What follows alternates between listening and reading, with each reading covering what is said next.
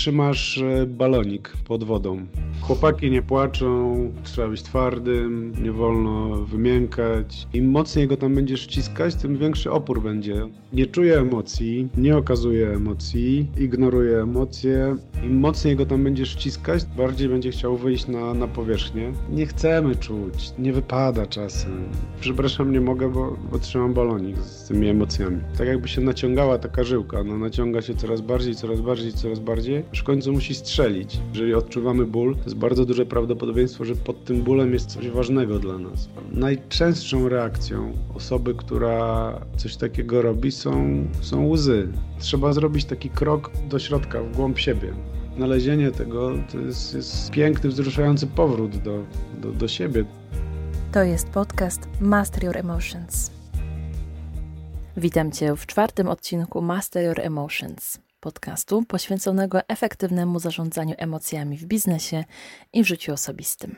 Ja nazywam się Magda i będę miała przyjemność przybliżać Ci temat inteligencji emocjonalnej w oparciu o rozmowy z zaproszonymi gośćmi, ekspertami, specjalistami i praktykami, którzy podzielą się z Tobą rzeczową i sprawdzoną wiedzą, jak skutecznie wykorzystać emocje do tworzenia silnej marki osobistej. W dzisiejszym odcinku mam ogromną przyjemność gościć Marcina Nowackiego, doświadczonego menadżera, psychologa i coacha, który swoją pracę poświęca czterem niezmiernie ważnym współcześnie filarom: coachingowi biznesowemu, life coachingowi, rozwojowi osobistemu i uważności. Marcin jest współtwórcą Instytutu Rozwoju w Przestrzeni. Prowadzi liczne warsztaty, cotygodniowe spotkania wprowadzenia do uważności oraz zajęcia z psychologii ze studentami na Wydziale Prawa, Administracji i Ekonomii na Uniwersytecie Wrocławskim. O czym będziemy rozmawiać dzisiaj z Marcinem? Porozmawiamy o tym, jak nauczyć się akceptować nasze emocje i to, na co nie mamy wpływu. Marcin wyjaśni nam, w jaki sposób blokowanie emocji szkodzi naszemu zdrowiu psychicznemu, wytłumaczy nam, jak można doświadczać bólu i nie cierpieć, podpowie, jak wypracować mniejszą reaktywność na negatywne emocje i co zrobić ze sprawami, z którymi nie da się nic zrobić. Zapraszam do wysłuchania rozmowy. Cześć Marcin. Cześć. Marcin, ogromnie się cieszę, że mogę Cię gościć dzisiaj w podcaście Master Your Emotions i dziękuję Ci za przyjęcie zaproszenia. Po lekturze artykułów, których jesteś autorem, jestem bardzo zainspirowana Twoim sposobem postrzegania rzeczywistości, zwłaszcza takim silnym fokusem na tu i teraz. Widać bardzo wyraźnie, jak ogromną rolę odgrywa w Twoim życiu uważność, jak często podkreślasz jej wartość i jak znacząco wpłynęła na zmianę Twojego życia. Równie ważnym aspektem, do którego często się odnosisz, jest terapia akceptacji i zaangażowania, i to jej chciałabym poświęcić dzisiejszy odcinek. Liczę na to, że uchylisz nam rąbka swojej szerokiej wiedzy w tym temacie, że podzielisz się z nami swoim doświadczeniem i pokażesz nam, w jaki sposób możemy rozpocząć pracę nie tylko nad akceptowaniem naszych emocji, ale też akceptowaniem tego, czego nie możemy zmienić, na co nie mamy wpływu oraz co jest poza zasięgiem naszego działania. Mhm, jasne. Marcin odniosę się w pierwszej kolejności do tego, z czym aktualnie wszyscy się mierzymy. Żyjąc w czasach koronawirusa i kwarantanny domowej, znaleźliśmy się w dość nietypowej sytuacji, kiedy bardziej niż kiedykolwiek wcześniej musimy stawić czoła nie tylko nowym okolicznościom, ale przede wszystkim sobie samym, swoim uczuciom i emocjom, od których tak naprawdę ciężko jest uciec, gdy jest się zamkniętym w czterech ścianach. Wielu z nas odczuwa niepokój, myśląc o przyszłości. Zadajemy sobie pytania, kiedy to się wreszcie skończy, jak będzie wyglądało moje życie i świat dookoła mnie, czy odzyskam pracę, czy będę mógł żyć tak jak dawniej. Jak możemy poradzić sobie z lękami i z niepewnością, która atakuje nas ze wszystkich stron? Jak opanować stres i przywrócić spokój naszym emocjom? Ciekawe pytanie bardzo. Użyłaś takiego sformułowania stawiać czoła e, emocjom. Ono brzmi dla mnie tak konfrontacyjnie dosyć i w obszarze tej uważności czy aktu terapii akceptacji i zaangażowania mówimy raczej o obserwowaniu, o zaakceptowaniu emocji niż panowaniu nad nimi. Też moje doświadczenie psychologa i, i, psychoterapeuty w trakcie szkolenia pokazuje, że nad emocjami się nie da panować. To jest strategia, która działa na krótką metę tylko. W tych emocjach jest też pewna mądrość. Ten stres, o którym mówisz, też nam coś wskazuje. On znikąd się nie bierze. I teraz mhm. pytanie, czy ten stres jest taki bardziej pierwotny, związany z jakąś sytuacją, która faktycznie ma miejsce, czy on jest, wynika z naszych myśli. Tak jak powiedziałaś, obecna sytuacja to jest tak naprawdę jedna, jeden wielki niepokój jedna wielka niepewność i taka konfrontacja, jakby życie nas skonfrontowało trochę z tym, że, że tak wygląda właśnie. Że jest niepewne, że próba znalezienia jakichś stałych punktów zawsze idzie na marne. Życie jest procesem, życie jest zmianą. Jedyną stałą rzeczą w życiu jest, jest zmiana właśnie.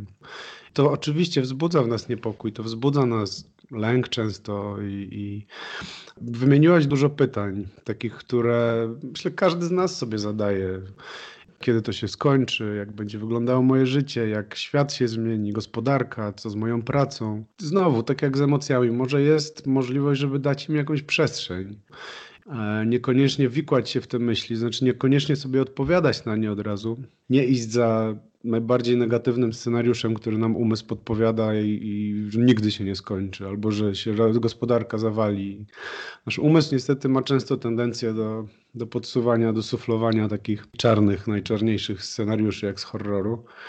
Może jest możliwość, żeby e, zrobić przestrzeń na te, na te myśli, po prostu je obserwować i terapia akceptacji i zaangażowania, której bardzo mocną częścią jest, bardzo, bardzo ważną częścią jest, jest praktyka uważności, pozwalają nam spojrzeć trochę z dystansu na to, co się dzieje w nas, e, zwłaszcza w takiej sytuacji, jaka, jaka jest teraz, gdzie jesteśmy w pewien sposób siłą do tego zmuszeni.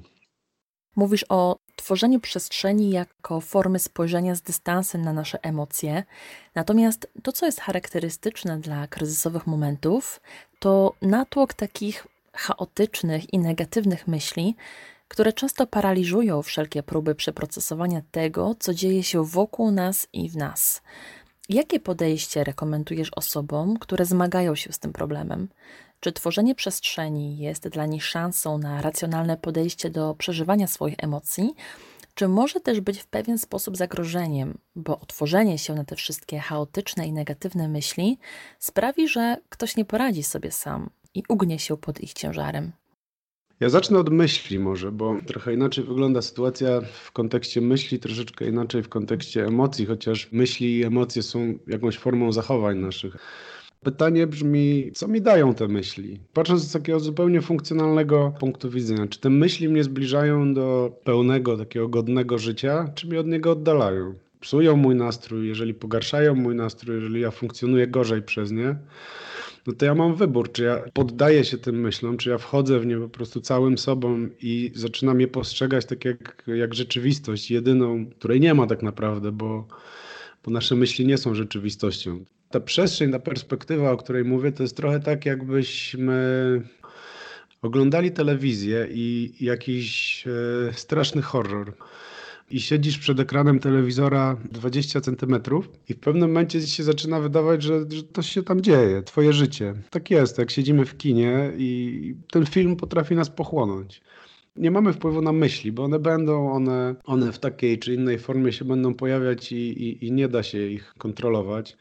Zresztą mówi o tym taki bardzo znany psychologii efekt ironiczny. Jak cię poproszę, żebyś nie myślała o niebieskim słoniu, to możesz się wysilać jak najbardziej potrafisz, ale, ale o tym słoniu będziesz myśleć bardziej właśnie. Więc próba walki z myślami, kontrolowania ich jakiegoś, powoduje, że one się jeszcze bardziej wzmagają. I teraz wracając do tej metafory horroru i telewizora, to według mnie sytuacja wygląda tak, że, że my możemy się oddalić od tego telewizora on e, będzie grał tam dalej. No nie da się go wyłączyć. Ale możemy też zobaczyć, że oprócz tego telewizora jest dużo innych rzeczy. Mi jest teraz łatwo bardzo, bo jak rozmawiam z tobą, to siedzę i za oknem mam park i, i drzewa zielone, które się bujają i, i, i to mi też pokazuje w taki fizyczny sposób, jak to zrobić, tak? Bo ja mam tutaj komputer, ekran komputera, ale mogę, mogę się wiesz, wciągnąć w patrzenie w ten komputer albo popatrzeć w górę i popatrzeć na chmury, które na niebie się, się przesuwają na, na, na, na drzewa i to już jest troszeczkę inna perspektywa. To, że nam się wydaje, że te myśli są, są naszym życiem, to jest taka ułuda bardzo duża. Nie? Gdyby tak było, to bym sobie wymyślił tutaj, nie wiem, milion dolarów na przykład. Użyłeś bardzo fajnego porównania, i myślę, że w taki właśnie sposób często komplikujemy sobie to, jak widzimy nasze emocje, to jakie znaczenie im przypisujemy i to, jak czasami kreujemy coś, co tak naprawdę nie istnieje. Powiedziałeś przed chwilą, że nie da się kontrolować emocji. To przypomniało mi o innym stwierdzeniu, którego kiedyś użyłeś i które bardzo mnie zaintrygowało, a mianowicie, że emocjami nie da się zarządzać, a przynajmniej nie powinno się. Co w takim razie zrobić, jeśli dochodzi w nas do kumulacji negatywnych emocji? Bywa tak, że czasami zarówno bezpośrednie uzewnętrznienie ich, e, jak i tak zwane duszenie w sobie może przynieść katastrofalne rezultaty. W jaki sposób radzić sobie z nimi? Zarządzać emocjami można próbować, tłumić je też można, można próbować i w zależności też od człowieka, od, od typu osobowości, to jakiś skutek przyniesie, ale tylko krótkoterminowy, bo długoterminowo przyniesie wyłącznie straty. I na przykładzie złości, na przykład, która jest bardzo ważną emocją, pozwala nam granice stawiać, sięgać po coś, na czym nam zależy. Tłumienie złości, takiej adekwatnej reakcji w momencie, kiedy ktoś narusza nasze granice, ktoś gdzieś e, wchodzi na nasz ogródek, powoduje, że to się kumuluje, tak jak powiedziałaś. To jest tak, jakby się naciągała taka żyłka. No, naciąga się coraz bardziej, coraz bardziej, coraz bardziej, aż w końcu musi strzelić. Bardzo mi się spodobało takie porównanie, które niedawno e, znalazłem. To jest, jakbyś wyobraziła sobie, że trzymasz e, balonik pod wodą i im mocniej go tam będziesz wciskać, tym większy opór będzie. On bardziej będzie chciał wyjść na, na powierzchnię. I to jest jedna rzecz. A druga rzecz jest taka, że jak będziesz trzymać ten balonik pod wodą, to będziesz miała zajęte ręce, będziesz miała zmęczony wiesz, ramiona, kark. Jak poproszę cię w momencie, kiedy trzymasz ten balonik, żebyś, nie wiem, przytuliła kogoś, no to powiesz, przepraszam, nie mogę, bo, bo trzymam balonik z, z tymi emocjami. Podałeś dwa przeciwstawne bieguny, jakby e, bezpośrednie uzewnętrznienie i, i duszenie w sobie. Z tych dwóch rzeczy wybrałbym bezpośrednie uzewnętrznienie, ale w taki świadomy sposób, czyli mając przestrzeń na to, że ja mogę czuć różne rzeczy, pojawia się pewna przestrzeń między bodźcem a reakcją. Czyli jak pojawi się jakiś bodziec, który uruchamia we mnie jakąś emocję, to ja nie muszę automatycznie nawykowo zareagować, nie wiem, jakimś wybuchem, tylko mogę zauważyć, że to się wydarzyło, zauważyć, że ja mam to w sobie i z tej pozycji podjąć decyzję, żeby się tym zająć. To jest taka Semantycznie to by to brzmiało, jakbym powiedział, że jestem wściekły. Wtedy to jest jakieś ja, które jest wściekłe. To, to całość tego ja mojego jest wściekłością.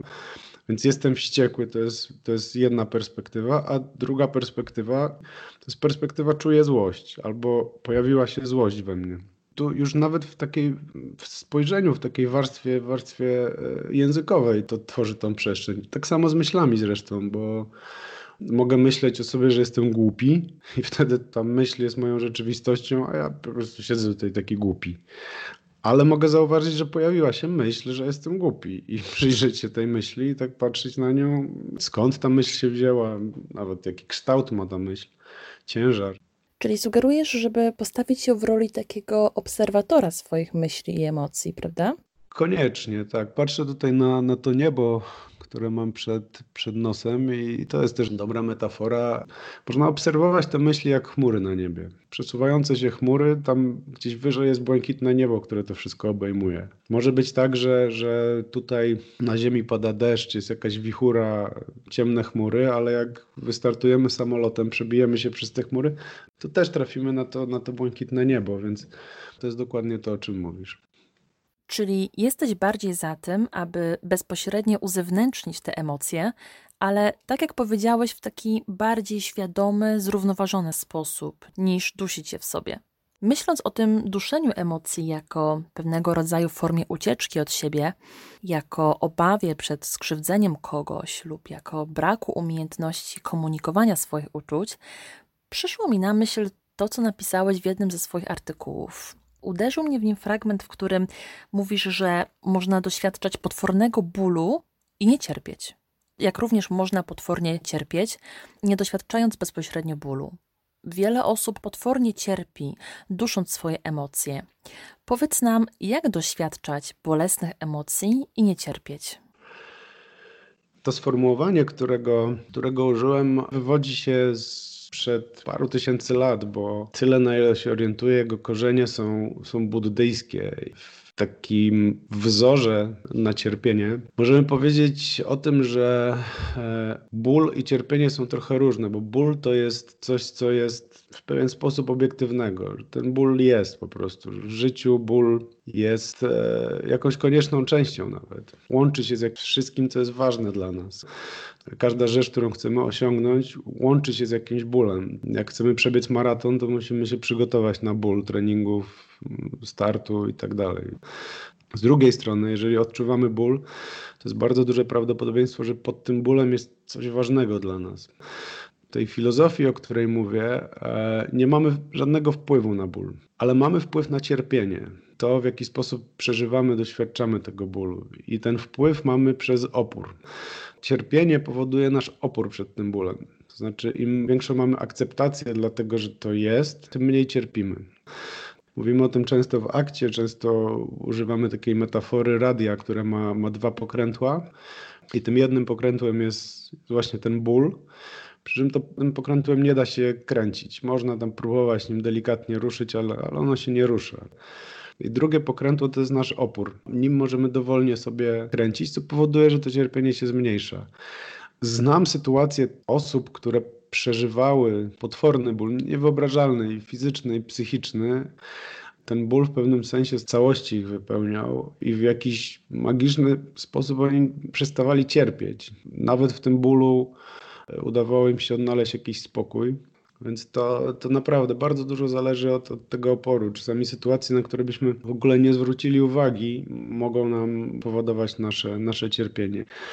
Tu w tym sformułowaniu chodziło mi o to głównie, czyli o ten, nazwijmy go buddyjski wzór na cierpienie. Także ból razy opór równa się cierpienie. To cierpienie pojawia się w takich sytuacjach, które są dla nas dość nieprzewidywalne. E, samo życie jest pełne niespodzianek, nie zawsze przyjemnych. Jesteśmy stale zaskakiwani przez wydarzenia, które ciężko jest przewidzieć. Mówi się: oczekuj na najlepsze, ale bądź przygotowany na najgorsze. Czy uważasz, że jest możliwe, aby przygotować się na wszelkie możliwe scenariusze tego, co może się wydarzyć w naszym życiu? Czy bardziej efektywne jest takie pełne otwarcie się na to, co przynosi życie? Jedna i druga perspektywa nie, nie są do końca zdrowe, bo oczywiście nie da się przygotować i Zawsze przypomina mi się, jak, jak słyszę takie pytanie, mm, mój ulubiony cytat z Wody Allena. Jak chcesz rozśmieszyć Pana Boga, opowiedz mu o swoich planach. Nie da się, oczywiście, że się nie da. Tak jak powiedziałem, życie jest zmianą, życie jest jakimś procesem. Sytuacja, która dzisiaj ma miejsce, nam bardziej do, dosadnie nie, nie jest w stanie chyba pokazać, że nie mamy tak naprawdę wpływu na, na większość rzeczy. Bardzo ważne jest skupienie się, odróżnienie tych rzeczy, na które mamy wpływ, od tych, na które nie mamy wpływu i skupienie swojej uwagi i skupienie swojej energii na tych, na które mamy wpływ, czyli na tym malutkim kawałku, na który mamy wpływ. Z drugiej strony życie w takim pełnym otwarciu, wszystko co, co się pojawi, to ja przyjmuję. No to brzmi fajnie, ale jest jakieś takie mocno idealistyczne podejście. Ja mm, poznałem w życiu kilka osób, które prezentowały taką postawę. Zawsze mam poczucie, że to jest właśnie prezentowanie postawy, a nie, a nie faktyczna postawa, że obecne są w nas lęki, jakieś dawne zranienia, jakieś czułe miejsca, które mamy i też wchodzenie w życie z takim pełnym otwarciem, no nie jest najmądrzejsze. Z drugiej strony, mając kontakt ze sobą i wiedząc, gdzie są te moje czułe miejsca, no ja się mogę wtedy lepiej nimi zaopiekować i też je chronić jakby w tej konfrontacji. Nie chciałbym tutaj w taką, takie teoretyzowanie wejść, że ach tak, po prostu bądźmy gotowi, wszystko co nas spotka. Często uważność, ten mindfulness, a bardziej Mac mindfulness jest kojarzony z taką postawą.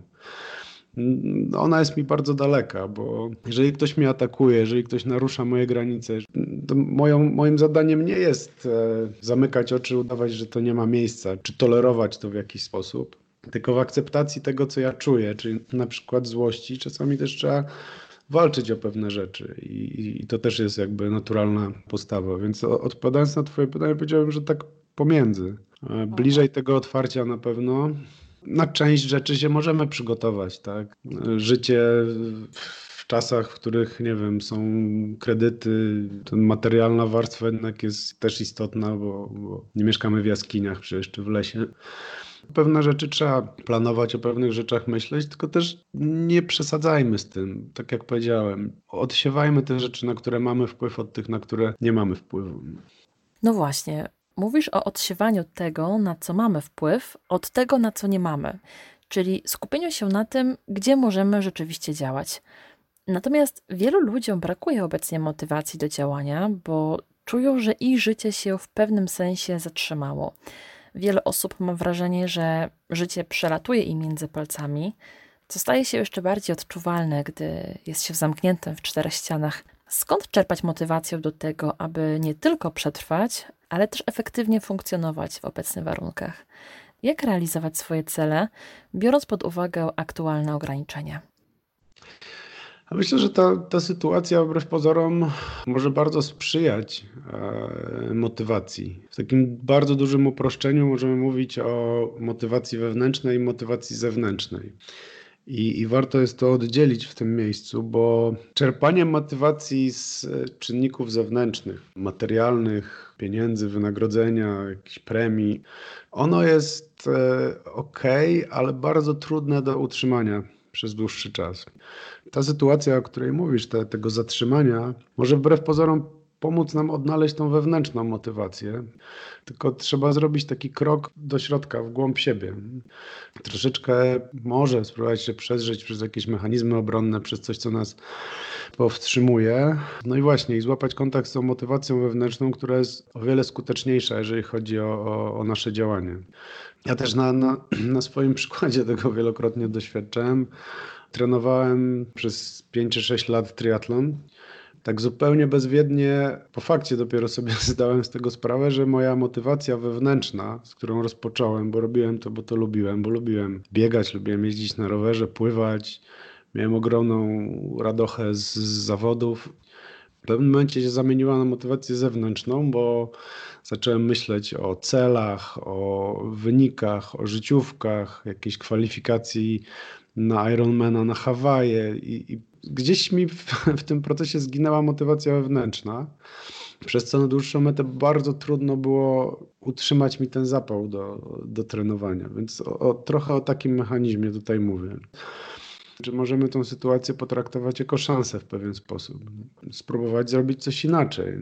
Oczywiście, jak jesteś e, psychologiem i, i tą zmianą jest przejście na więcej spotkań w formie online, to łatwo o tym mówić, tak? Jak masz salon fryzjerski, no to jest trudniej wtedy wymyślać jakieś nowe rzeczy, ale z drugiej strony ta podróż, to zatrzymanie się, żeby przyjrzeć się sobie przez chwilę, to musi zawsze zaprocentować, mimo że czasami może być trochę bolesne.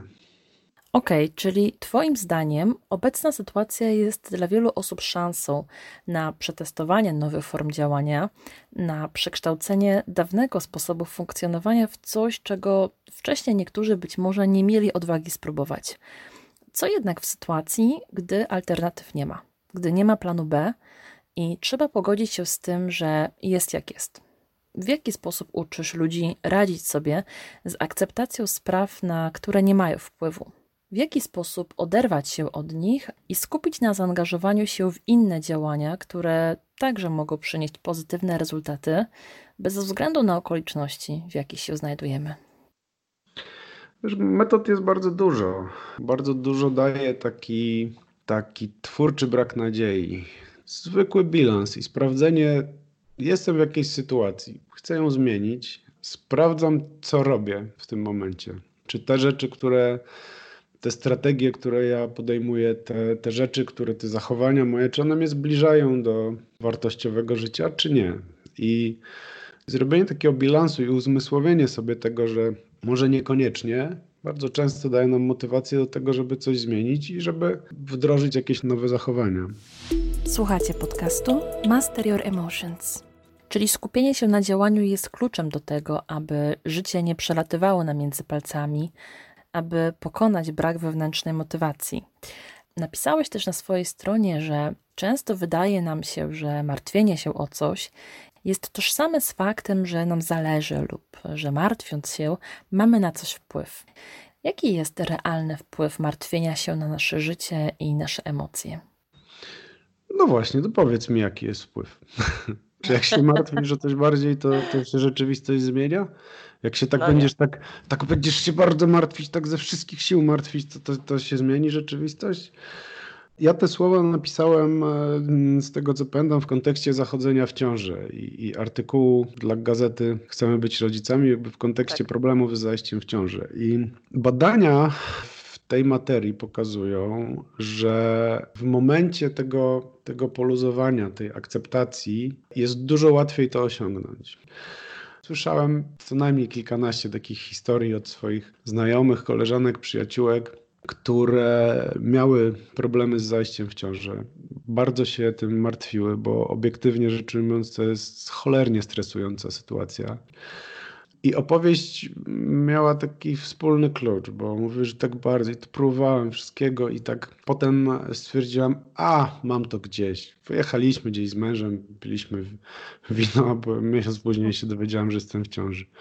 Wydaje mi się, że, że dokładając sobie tego stresu, tego martwienia, tej, tej, tą benzyną polewając jeszcze te miejsca często bolesne, powodujemy jakieś reakcje fizjologiczne, może zmiany odporności, może ten nasz organizm zaczyna jakoś, jakoś bardziej walczyć. Możesz wyobrazić sobie zaciśniętą pięść. Że zaciskasz pięść i tak, tak bardzo chcesz, że masz tą pięść zaciśniętą. No ale z zaciśniętą pięścią niewiele możesz zrobić. Możesz kogoś uderzyć najwyżej. Nie, nie pogłaskasz kogoś, nie weźmiesz czegoś do, do ręki, nie dotkniesz, nie wiem, czegoś miękkiego. Tylko w tym otwarciu, tym, w tym rozluźnieniu mamy, jesteśmy bardziej elastyczni. Tym, do czego dążymy, czy taką podstawą dobrego funkcjonowania psychicznego w akcie jest, jest właśnie elastyczność psychologiczna. Czyli przeciwieństwo takiego zaciśnięcia, które nas zamyka na większość rzeczy. To, co przyszło mi też na myśl po przeczytaniu, że dla wielu z nas martwienie się jest tożsame z faktem, że nam zależy, e, to nasi rodzice lub partnerzy. Dość często słyszymy, że w ich rozumieniu martwienie się jest formą okazywania uczuć. A to nie do końca zawsze tak jest.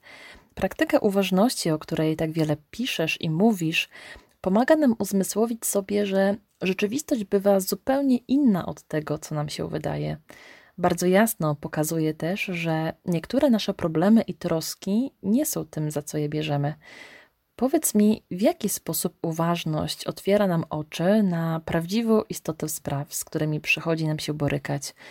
W jaki sposób możemy rozdzielić sobie, które problemy i troski e, są warte naszej uwagi, a które mają w gruncie rzeczy mniejsze znaczenie niż im przypisujemy na początku? Ja nie wiem w ogóle, czy istnieje coś takiego jak prawdziwa istota spraw, bo też z takiej perspektywy trochę filozofii wschodu, ale nie tylko. Czym jest jakaś prawdziwa istota spraw? Chyba czegoś takiego nie ma i, i wszystko jest zależne wyłącznie od naszego postrzegania. Czytałem w biografii Jana Kulczyka, że on też stosował tą metodę bardzo często. Jest e, jakiś problem, jakaś troska i zapisujesz to na kartce Wsadzasz do koperty i zamykasz tą kopertę na tydzień w szufladzie. Po tygodniu wyciągasz, otwierasz i jeżeli to jest dalej problem, to się nim zajmujesz i go rozwiązujesz. Wiem, że to brzmi bardzo, bardzo banalnie, ale jeżeli mamy jakiś problem, to albo mogę sobie z nim poradzić, go rozwiązać, jeżeli mam do tego kompetencje w danym momencie, albo nie mam kompetencji, nie mam wpływu na to, żeby się nim zająć, to daje mi jeszcze jedną możliwość, mogę poczekać, aż będę miał te kompetencje. Wyobrażając sobie sytuację, w której mam jakiś problem, ale nic z tym nie mogę zrobić w tym momencie, albo zrobiłem wszystko, co mogłem zrobić w tym momencie, no to bez sensu wydaje się w ogóle myśleć o tym. No bo skoro nie mogę z tym nic zrobić, to co mi da rozmyślanie na ten temat? To no, jest dosyć logiczne, ale konstrukcja naszego, naszego umysłu jest taka, jaka jest. Bardzo fajnie powiedziałaś, że, że to martwienie się jest często uważane za jak. Bo ty się o to nie martwisz w ogóle, bo ty się nie martwisz, to znaczy masz to w nosie. Nie, bardzo się tym przejmuję. Jest to dla mnie bardzo ważne. Tylko wiem, że nie mogę w tym momencie z tym nic zrobić po prostu. I, i mogę czuć smutek w związku z tym, że nie mogę czegoś zrobić, czy przykrość, czy żal, czy złość, niezgodę ale faktem jest, że nie mogę z tym nic zrobić. To nie jest tak, że to nie jest dla mnie ważne, bo się, bo się nie przejmuję, nie martwię. Dokładnie. E, w jednym z kolejnych artykułów o uważności piszesz też coś, co mi się bardzo spodobało. Przyjmuj każdą chwilę dokładnie taką, jaka jest. W każdej chwili podejmuj też decyzję, czy mogę coś zrobić z tą sytuacją, czy nie. Jeżeli nie możesz, pozwól jej odejść. My tak nie do końca pozwalamy odchodzić pewnym sytuacjom, emocjom i uczuciom, często też ludziom. Dlaczego przywiązujemy się do nich, nawet jeśli są negatywne, destrukcyjne i sprawiają nam ból? Jak pozwolić im odejść? Hmm. Przyjmuj każdą chwilę dokładnie taką, jaka jest, to takie idealistyczne troszeczkę powiedzenie, ale bardzo w to wierzę i ta praktyka uważności, tak jak ja ją postrzegam i, i rozumiem, polega w dużo większej mierze na przyglądaniu się temu, co nie jest przyjemne, niż temu, co jest przyjemne. Zresztą każdy z nas w miarę dorosły doskonale zdaje sobie sprawę z tego. Jedno i drugie przemija to cierpienie nasze i pewne nieprzyjemne stany psychofizyczne wiążą się często z tym, że my się przywiązujemy do pewnych rzeczy. Albo bardzo nie chcemy czegoś, co jest nieprzyjemne, albo bardzo lgniemy do tego, co jest przyjemne. Myślę, że to pozwolenie odchodzić, tak w tej metaforze, nie wiem, chmur na niebie, czy obserwowania samochodów, które przejeżdżają przed domem, to jest kwestia treningu, rozszerzenia w pewien sposób świadomości, takiego uzmysłowienia sobie czegoś, co, co my doskonale wiemy. Nawet najgorszy ból mija w pewnym momencie i z drugiej strony nawet największa radość i jakaś przyjemność też mija. I jeżeli sobie pozwolimy na to, żeby być w chwili tej, która jest teraz, to możemy w pełni doświadczać tego, co się dzieje. Jeżeli to jest przyjemne, ja miałem takich wakacyjnych przygód trochę. Jestem w jakimś pięknym miejscu, nie wiem, na Hawajach i zamiast cieszyć się tym, że, że jestem w raju, mój umysł bardzo szybko zaczął podsuwać mi myśli typu o Jezu, jeszcze tylko trzy dni tutaj będziesz i zaraz trzeba do domu wrócić i, i przestaję być w tej chwili w tym, co jest tutaj. To jest oczywiście dużo trudniejsze w sytuacji, kiedy doświadczamy czegoś nieprzyjemnego. Pozwolenie sobie na zaakceptowanie tego, co ja czuję, pozwala trochę zmniejszyć to cierpienie. I jeszcze jedna rzecz, którą też ja ją zaznaczam za każdym razem, jak słyszę takie sformułowanie, ale dotyczy negatywnych emocji. Ja uważam, że nie ma czegoś takiego jak negatywne emocje, że wszystkie emocje są pozytywne. I jeżeli mamy już je dzielić jakoś, to są emocje przyjemne i nieprzyjemne. Co więcej, jak zrobimy sobie listę emocji, to szybko się zorientujemy, że większość emocji jest nieprzyjemna.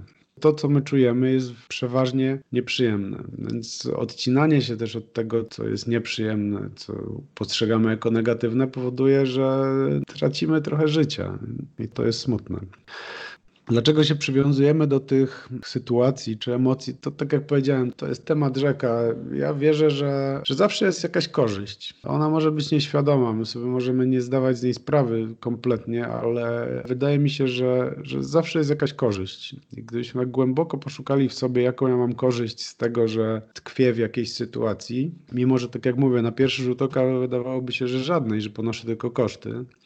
Jeżeli uda nam się dokopać do tej korzyści, i w taki świadomy sposób ją puścić po prostu, pozwolić sobie, że, już tego nie potrzebuję, no może nam dać energię do, do zmiany tej sytuacji. Super, bardzo Ci dziękuję za to, co powiedziałeś, zarówno o uzewnętrznianiu emocji, jak i o tym, jak pozwolić im odejść. Spójrzmy teraz na drugą stronę medalu.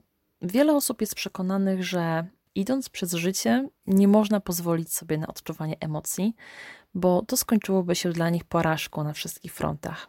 Osoby te są tak mocno zorientowane na cel, że, że przez lata ignorują emocje, które się w nich kumulują i nie dają im możliwości uzewnętrznienia się. Przywykło się też sądzić, że osoby, które odnoszą ogromne sukcesy w życiu, to te osoby, które nie pozwalają sobie na odczuwanie i okazywanie emocji. Czy ty się z tym zgadzasz? Czy spotkałeś się z takimi przypadkami i czy uważasz, że da się tak funkcjonować przez całe życie?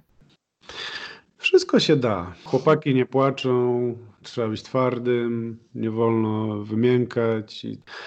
Bardzo mocno mi się to kojarzy z taką męską podstawą. Czy ona jest skuteczna, to pokazują statystyki przede wszystkim, bo chyba 7 razy więcej mężczyzn popełnia samobójstwa niż kobiet. I myślę, że to może być mocno skorelowane z taką postawą.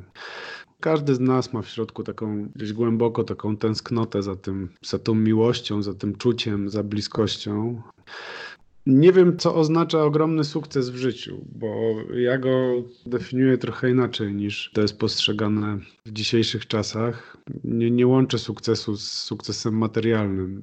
Jest mnóstwo badań zresztą, które pokazują, co daje nam szczęście w życiu te materialne czynniki to jest około 10% tylko wpływu na, na nasze poczucie szczęścia. Musielibyśmy sobie zdefiniować sukces, ale dla mnie sukcesem jest takie pełne, godne i, i, zgodne ze swoimi wartościami życie. A żeby żyć w zgodzie ze swoimi wartościami, to ja muszę czuć. Poza tym możemy sobie wyobrazić, nie czuję emocji, e, nie okazuję emocji, jestem zorientowany na cel, ignoruję emocje. Jak będzie wyglądała moja relacja na przykład z dzieckiem? jak urodzi się dziecko, a ja nie czuję emocji i, i nie jestem w stanie go kochać, czy nawet siebie kochać. Bez tego wydaje mi się, że towarzyszyć nam będzie, zawsze będzie nam jakiś brak, jakaś pustka, jakaś taka gorycz. Nie wydaje mi się, żeby można było osiągnąć jakąś pełnię w życiu bez, bez odczuwania emocji nawet w kontekście biznesowym. Jest taki trochę stereotyp Sknerusa McQuacza z bajki tam o tych kaczkach, który może się tam kąpać w tym skarbcu i żyć w samotności.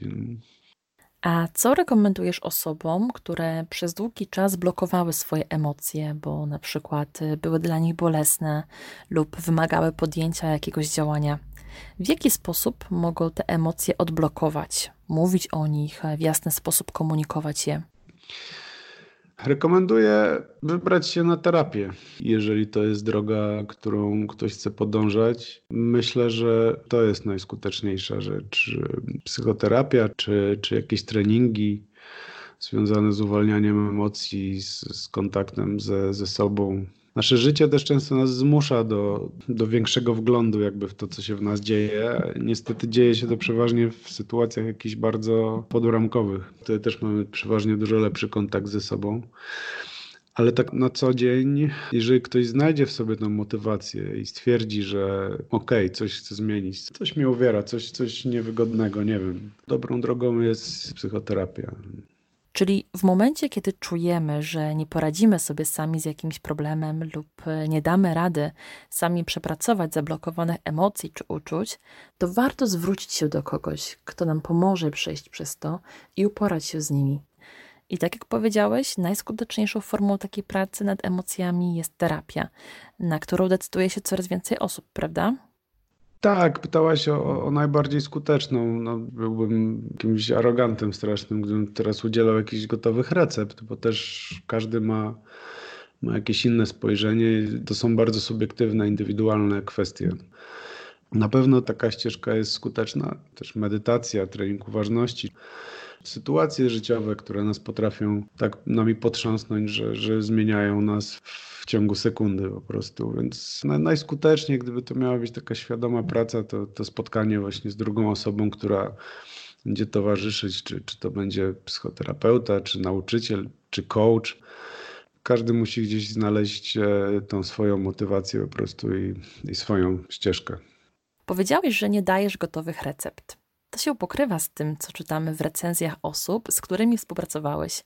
E, piszą o tym, że w swojej pracy nie rozwiązujesz za ludzi ich problemów, nie dajesz gotowych odpowiedzi, nie narzucasz swojej filozofii życia, nie oceniasz. Uważnie im towarzyszysz i wspierasz ich w tym, aby to oni odnaleźli najwłaściwszą dla siebie drogę, rozwiązanie lub decyzję.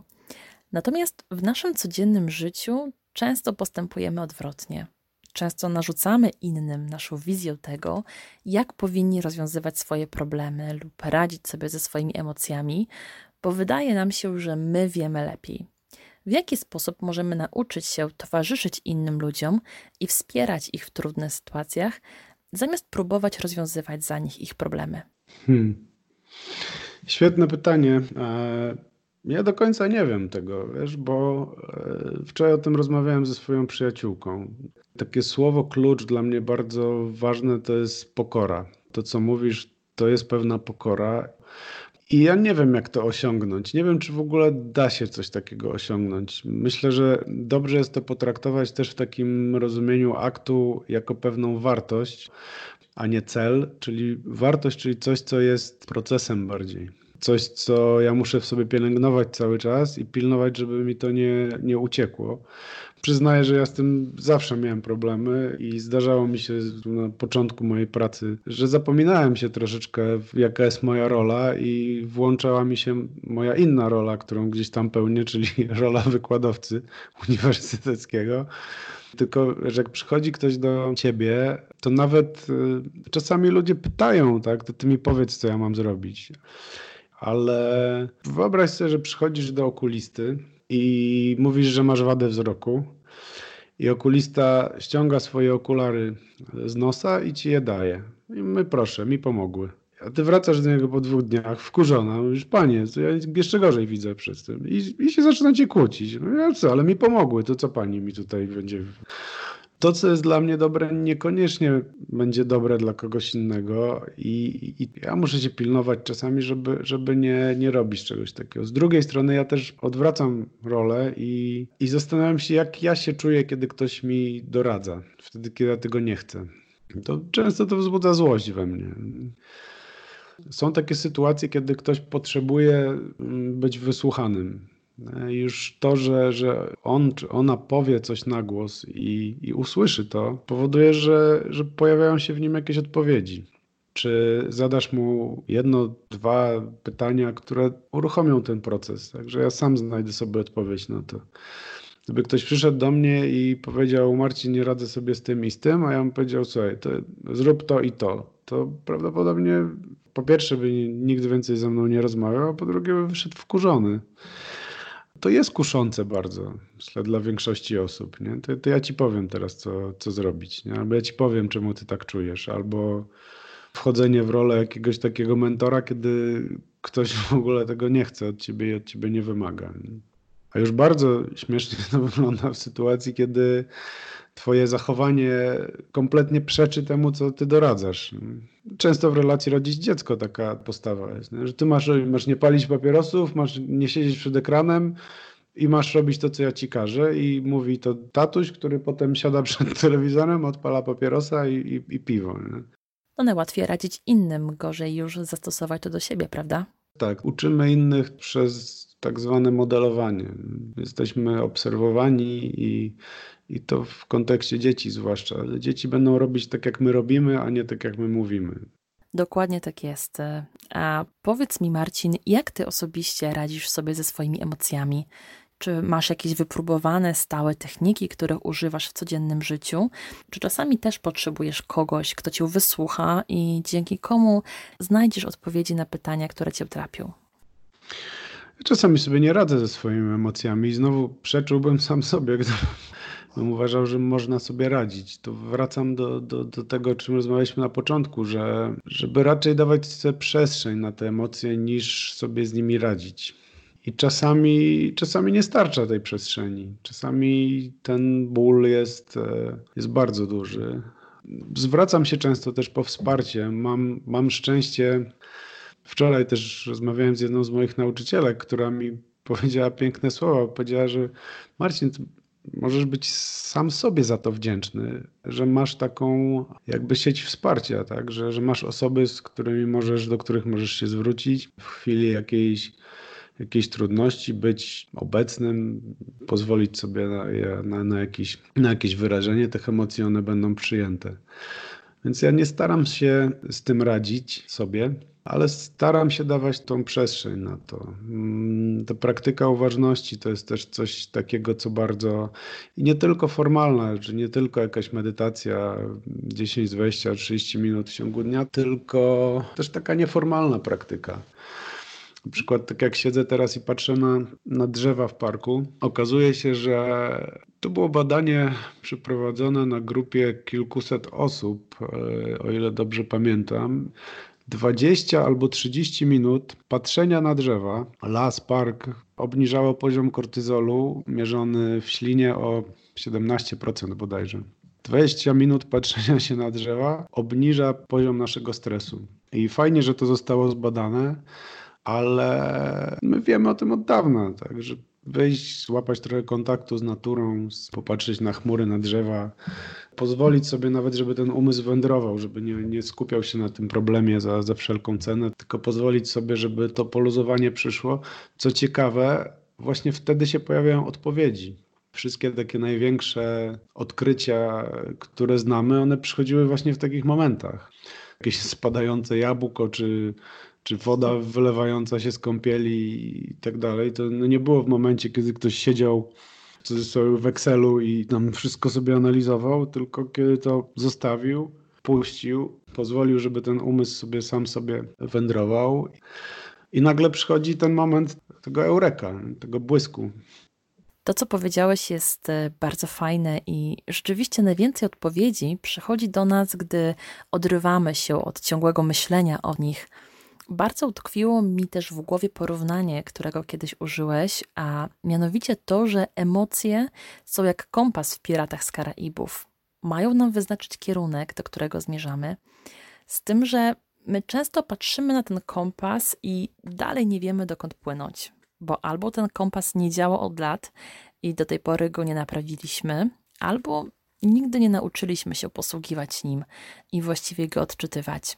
Co Twoim zdaniem należy zrobić, aby ten życiowy kompas zwany emocjami zaczął nam służyć? No, zwany emocjami, może, może intuicją bardziej albo jakimś czuciem. Tutaj też bardzo celne jest, jest takie, celny jest taki buddyjski termin e, pradżnia, który oznacza taką mądrość wewnętrzną, opartą na doświadczeniu przede wszystkim, mniej niż na intelekcie tym kompasem są nasze wartości, ale żeby znaleźć kontakt z tymi wartościami, musimy mieć bardzo dobry i silny kontakt ze swoim czuciem.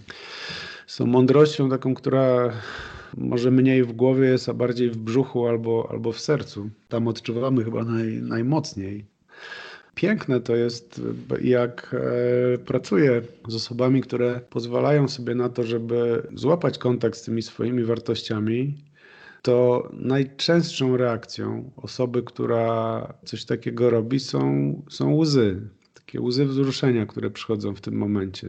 Bo często to są, często ten kompas to jest takie miejsce, które jest gdzieś zardzewiałe, zaśniedziałe, głęboko schowane i znalezienie tego to jest, jest często taki piękny, wzruszający powrót do, do, do siebie, do jakiegoś takiego, nie wiem, swojego fundamentu. To jest kluczowe, żeby ryzykować, żeby mieć odwagę to jest ryzykowanie obecności w każdej chwili i kontaktu ze sobą i z tym, co w tym moim brzuchu się pojawia. E, mówię o brzuchu, bo w brzuchu jest bardzo dużo e, zakończeń nerwowych. Mówi się nawet o tak zwanym mózgu trzewnym, ale bardzo mocno odczuwamy tam. Mówi się o motylkach w brzuchu, strach często, różne emocje nam się pojawiają wizerunki Buddy, który jest postacią historyczną i na tyle, ile znam jego dzieje, to był strasznym chudzielcem, ale przedstawiany jest zawsze jako taka grubsza osoba, właśnie dlatego, że to ma symbolizować taką mądrość. Nie zawsze lubimy, no tak jak powiedziałaś, nie chcemy czuć. To takie nie wypada czasem. Jak jesteś facetem, to przecież nie można się użalać. To nie wolno tego. Tu w pracy trzeba być, wiesz, biznesowo w, w żakiecie i, i, i, wiesz, i cały czas poważnym i, i trochę się uczymy takiej postawy. Bardziej, że w pracy spędzamy większość życia, większość z nas. Więc chodzenie na, na, na poziom tych wartości i tego czucia często jest dla nas w jakiś sposób postrzegamy, że to jest ryzykowne. Nasz umysł zaczyna tam różne alarmy swoje odpalać i, i mądrości nam opowiadać w głowie. Problem jest taki, że wtedy tracimy kontakt z tym, czego chcemy, z tym, co jest dla nas ważne i, no i trudno bez kompasu kierunek jakiś obrać. Zgadza się. Marcin, ogromnie Ci dziękuję za naszą rozmowę, e, za wartościowe refleksje, których mogliśmy wysłuchać oraz wspaniałą motywację, którą dałeś nam do tego, aby spojrzeć na swoje emocje w zupełnie inny sposób.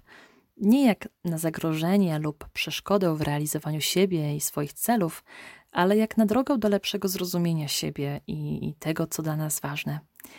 To, na co nie mamy wpływu, e, potraktować jako naturalny element rzeczywistości, w której się znajdujemy i którego nie musimy za wszelką cenę zmienić. Gdybyś miał podsumować w kilku zdaniach to, o czym dzisiaj porozmawialiśmy, co rekomendowałbyś osobom, które chcą zrobić pierwszy krok w stronę większej akceptacji emocji, które się w nich pojawiają, zwłaszcza tych bolesnych emocji, oraz jak mogą rozluźnić swoje podejście do spraw, z którymi nie da się nic zrobić? Hmm. Bardzo Ci dziękuję za, za to podsumowanie. Ja też bardzo dużą wdzięczność czuję teraz. A odpowiadając na Twoje pytanie, cytat z Junga. Jeżeli widzisz przed sobą jakąś ścieżkę, to znaczy, że to nie jest Twoja ścieżka. Moja rada, jeżeli już muszę coś doradzać, to jest budowanie swojej ścieżki, sprawdzanie, ryzykowanie, ja serdecznie zapraszam też do siebie na konsultacje, jeżeli ktoś chce popracować w tych obszarach. Jest mnóstwo książek, które uważam za cenne też na, na swojej stronie internetowej. Ostatnio wrzuciłem kilka rekomendacji, na przykład książka mm, Stevena Hayesa w Pułapce Myśli z obszaru terapii ACT. Polecam też powrót do siebie. Pozwalajmy sobie na tą, na tą obecność starajmy się żyć jak najbardziej w tej chwili, w tym momencie, bo wskakując do tego wehikułu czasu, który nas przenosi cały czas do przeszłości, do przyszłości, powodujemy, że życie nam ucieka, bo to nie jest życie. Życie może być przeżywane tylko będąc w tym momencie. Jak ja będę rozmyślał o planach, co trzeba robić i to jest ważne, albo o przeszłości, co też zresztą jest ważne, bo trzeba wyciągać wnioski z przeszłości, trzeba się uczyć na niej, ale leżenie na kanapie i roztrząsanie jakichś porażek swoich większego sensu nie ma, więc pozwalam sobie na to, żeby, żeby być tak jak jest teraz i, i sprawdzić, czy coś się wydarzy, co się we mnie zmieni. I po prostu żyć. No. Pamiętajmy, że to, że czujemy, i nieważne, czy to jest przyjemne, czy nieprzyjemne, to, to że czujemy, oznacza przede wszystkim to, że żyjemy. Gdybyśmy nie czuli lęku, to byśmy nie żyli prawdopodobnie. Gdybym nie czuł bólu, to też nie byłbym w stanie przeżyć, bo nie wiem, usiadłbym na piekarniku rozgrzanym i byłoby po mnie. Każdy taki moment, który nie przecieka nam przez palce, tylko którego doświadczamy, no jest cudowny, bo to życie mamy tylko jedno. Tak? Super, jeszcze raz Ci dziękuję Marcin za poświęcony czas oraz ogrom jakże ważnej wiedzy, którą nam dzisiaj dostarczyłeś. Na koniec powiedz nam proszę, gdzie można Cię znaleźć i w jaki sposób się z Tobą skontaktować, gdyby ktoś chciał skorzystać z Twoich konsultacji lub e, wziąć udział w organizowanych przez Ciebie inicjatywach. Myślę, że najprościej przez stronę internetową marcinnowacki.pl ewentualnie profil na Facebooku, profil na, na stronie Znany Lekarz. Że wpisując w Google Marcin Nowacki, psycholog, co prawda jest jeszcze druga osoba, która się tak nazywa i jest psychologiem, ale, ale myślę, że, że nie zabłądzicie. Świetnie, dziękuję Ci jeszcze raz i pozdrawiam. Dziękuję Ci serdecznie. Dziękuję Wam za wysłuchanie czwartego podcastu Master Your Emotions. Zachęcam Was do podzielenia się swoimi przemyśleniami na adres mailowy podcast masteryouremotions.gmail.com oraz do regularnego odwiedzania strony www.masteryouremotions.pl, gdzie zachęcam do zasubskrybowania kanału z nowymi podcastami, jak również do polubienia mojej strony na Facebooku. Zapraszam do wysłuchania kolejnego podcastu, który ukaże się już niebawem. A tymczasem żegnam się z Wami i do usłyszenia.